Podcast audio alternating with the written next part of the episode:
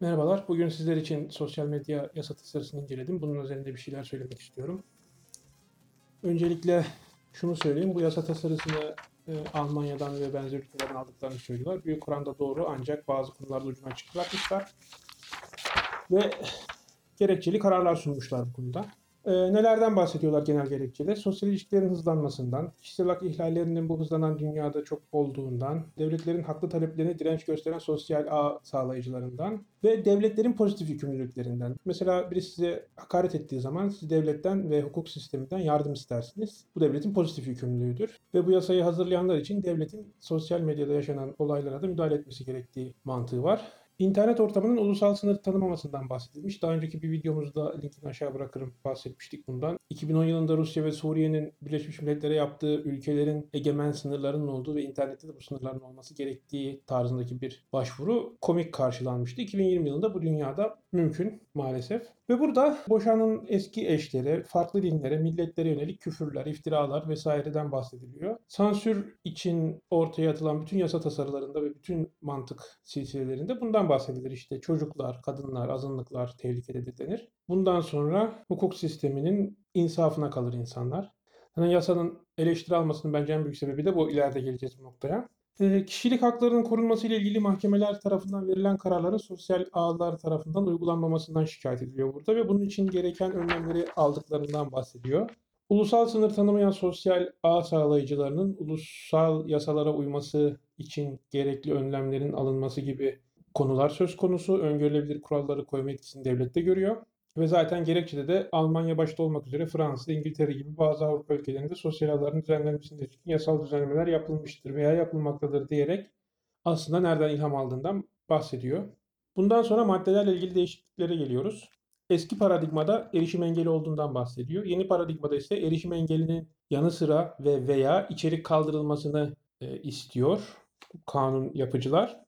İçerik yer ve erişim sağlayıcıları ve bunların sorumluluklarını tanımlamışlar. Yasadan sorumlu olan kuruluşlar Türkiye'de günlük erişimi 1 milyondan fazla olan yurt dışı kaynaklı sosyal ağ sağlayıcıları. Çünkü yurt dışı kaynaklı sosyal ağ sağlayıcıları ya da diğer medya organları ne durumda zaten hepimiz biliyoruz. Devletin burada çok ciddi bir e, gücü var. Bant genişliğini daraltma meselesi. Aslında bu Yasa tasarısının gündemde en çok kendisine yer bulduğu noktalarından biri de band genişliği konusu, band genişliğinin daraltılması konusu. Bu bant genişliği daraltılması içerik sansürlemekten ziyade Türkiye'de bir kişi yetkilendirmesine zorlamak için bu sosyal ağ getirilmiş. Kanun gerekçelerinin bir yerinde çok komik bir şey söylüyor işte biz e-teblikata geçtik sonra Danıştay idari yaptırımların e-teblikatla gönderilemeyeceğine karar verdi. Bu yüzden fiziksel postayla bir tebligat göndermemiz gerekiyor ama Türkiye'de bu kurumların temsilcisi olmadığı için gönderemiyoruz gibi bir sebep de gösteriliyor burada. Madde gerekçelerine geçelim. Çok fazla hukuki metinlerin detayına girmeyelim istiyorum. E, sosyal ağ sağlayıcıları tanımlanıyor. E, kamu kurumlarının muhataplara yapılacak bildirimler için tebligat adresi gerektiğinden bahsediyor ki bunun şimdi fotoğrafını göreceksiniz burada bu maddenin. Çok gerçekten komik geldi bana 2020 yılı itibariyle.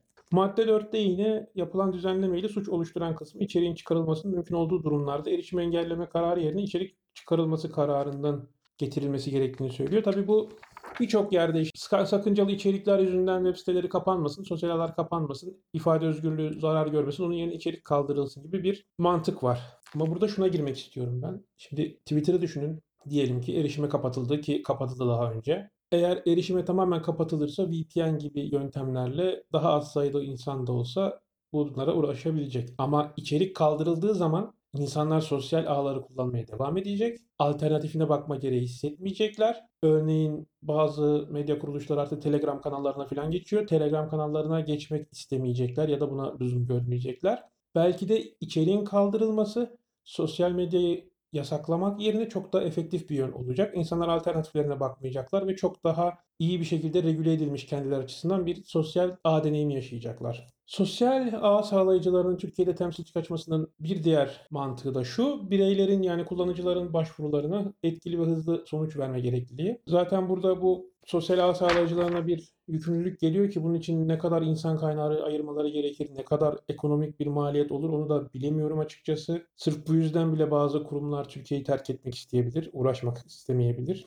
Ki Avrupa Birliği'nin çıkardığı bireysel veri korunma yasası sonrası birçok Amerikalı web sitesi Avrupa Birliği bağlantılarına izin vermedi. Eğer IP'niz Avrupa Birliği üyesi ülkelerdense sitede sizi bir uyarı karşılıyor. Biz bu yasalarla uymak istemiyoruz. Bu siteye giremezsiniz gibi.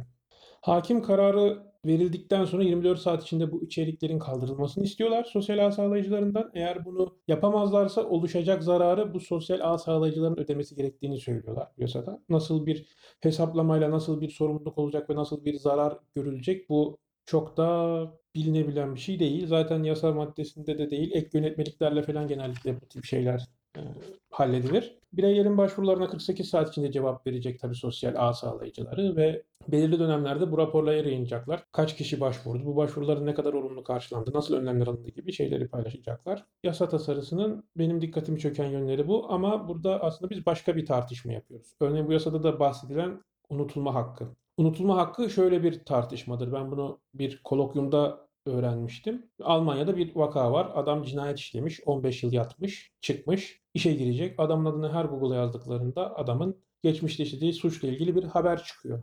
Adam mahkemeye başvuruyor. Diyor ki ben suç işledim. Hapis yattım paşa paşa 15 sene. Artık ben bu suçun cezasını çekmek istemiyorum ve çekmemem gerekiyor çünkü zaten çekti. Benim ismimi bu arama motorlarından çıkartın. Mahkeme bu adamın talebini haklı buluyor ve buna göre arama motorlarından bir talep oluşturuyor. Ama Türkiye'de bu nasıl kullanılabilir? İşte hepimiz okuyoruz zaten, görüyoruz bunu. Türkiye'de mahkemeler bu konuda nasıl karar alır? Ki yavaş yavaş ana meselemize geliyoruz. Türkiye'de muhtemelen devlet yöneticilerinin, siyasilerin bulaştığı çeşitli kötü haberler, işte yolsuzluklar, asayiş meseleleri vesaire bunları örtbas etmek için kullanılacaktır bu. İçerik kaldırılmada objektif bir standartla mahkemelerin karar vereceğine kimse inanmıyor. İşte bugüne kadar mahkemeler hangi konuda nasıl karar veriyorsa özellikle siyasi meselelerde bundan sonra da öyle karar verecektir. Sosyal medya sağlayıcılarının buradaki temsilcilerine bir yaptırım olacak mı? O bilinmediği için kim bu riski göze alıp burada temsilci olacak? Muhtemelen çifte vatandaş insanları falan getirecekler ki Türkiye'de hukuki olarak başı belaya girerse Alman devleti sahip çıksın mesela daha önce bazı gazetecilerde olduğu gibi. Birçok örnek verebiliriz buradan. Yasaya bakıyorsunuz, yasayı okuyorsunuz. Bazı eksiklikler var. Bazı eksiklikler yönetmeliklerle tamamlanabilir ve birçok medeni ülkede olan bir yasa olarak görüyorsunuz ve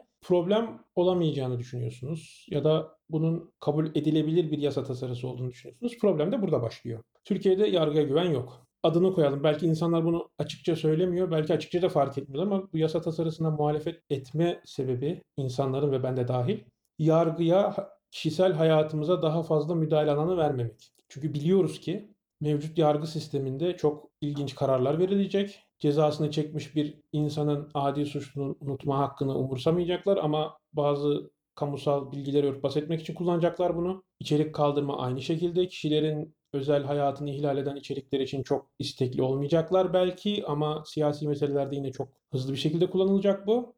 Ve sosyal ağ sağlayıcıları da şu ikilemde olacak. Biz Türkiye'de hizmet vermek için bu gereklilikleri yerine getirelim mi? Yoksa biz bu ülkeyle uğraşmayalım, çıkalım, tamamen IP banlayalım. Yani Türkiye'den gelen herhangi birisi giremesin bu sitelere gibi bir önlem alacaklar? Yoksa ağ yavaşlatmayı mı kabul edecekler ki mesela YouTube için bu mümkün değil. Kullanamazsınız. Twitter için yani zar zor kullanılır. Şu da var. Band genişliği daraltma nedir? %90 daraltıyorsunuz ama neyin %90? Mesela bazı web siteleri için %90 biraz daha yavaşlamasını sağlar. YouTube gibi siteleri bitirir direkt.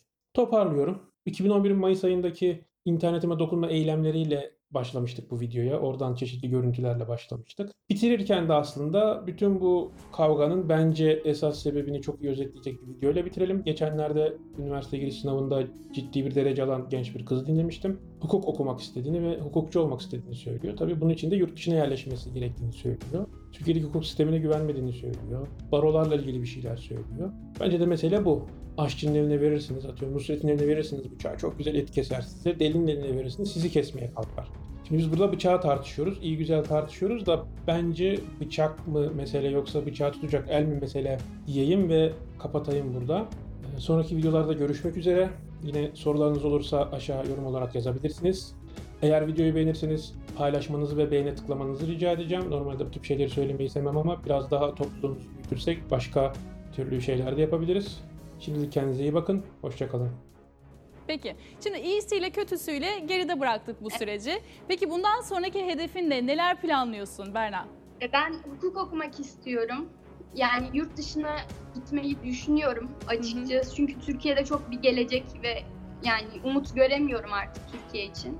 Ama Türkiye'de de Görmek Türkiye'de sizin gibi de. açık zihinlere ihtiyacımız var. Yani ben burada okumayı evet istiyorum. Burada kalmayı da düşünüyorum kesinlikle ama hani çok zor şu anki şartlarda. Çünkü ben hakim olmak istiyordum Hı hı. ama burada nasıl hakim olabilirim ya da avukatlığı layıkıyla nasıl yapabilirim özellikle baro konusundan sonra. Hı hı.